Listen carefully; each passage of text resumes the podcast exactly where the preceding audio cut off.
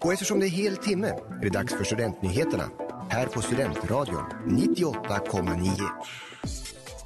Hej och välkomna till Studentnyheterna här på Studentradion 98,9. Idag kommer jag att prata om terrorattacken i Bryssel, vem som blev årets Uppsala-student och så kommer vi avsluta med veckans Whoopsie Det kommer hållas en tyst minut på lördagen den 21 oktober inför Sirius match mot Brommapojkarna meddelar Sirius på sin hemsida. Det är för det fruktansvärda dådet som skedde under måndagskvällen i Bryssel precis innan avsparken mellan Sverige och Belgiens EM-kvalmatch. Två svenskar sköts till döds i centrala Bryssel. Sirius skriver även att det skänker tankar till de drabbades familj och önskar supporterna som befann sig på arenan under kvällen en säker resa hem till Sverige. Årets Uppsala-student. Han har en master i fysik med inriktning mot partikel och kärnfysik. Han har varit fanbärare och serverat öl på Norrlands station.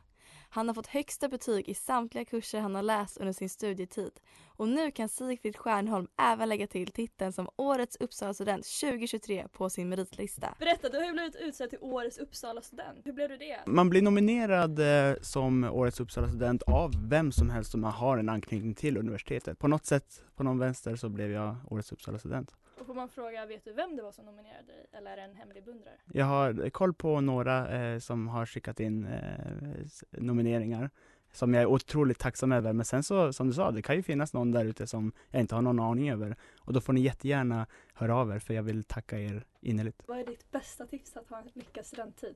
Eh, Man, man kanske är lite rädd i början att eh, engagera sig på vissa ställen eller med, med vissa personer, men om man vågar liksom ta det här klivet att gå med i en förening, gå med i en nation, gå med i eh, någonting annat, så, så tror jag att man kommer ha väldigt kul på vägen eh, och våga göra någonting som du kanske aldrig trodde att du någonsin skulle göra. Tack och grattis säger vi till Sigfrid. Vill ni veta mer om Sigfrid så hittar ni en längre intervju på vår Instagram.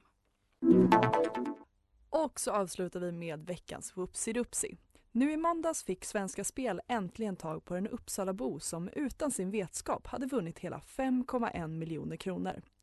Mannen hade befunnit sig på en härlig utlandssemester när Svenska Spel försökte kontakta honom och berätta om den storvinst han vunnit.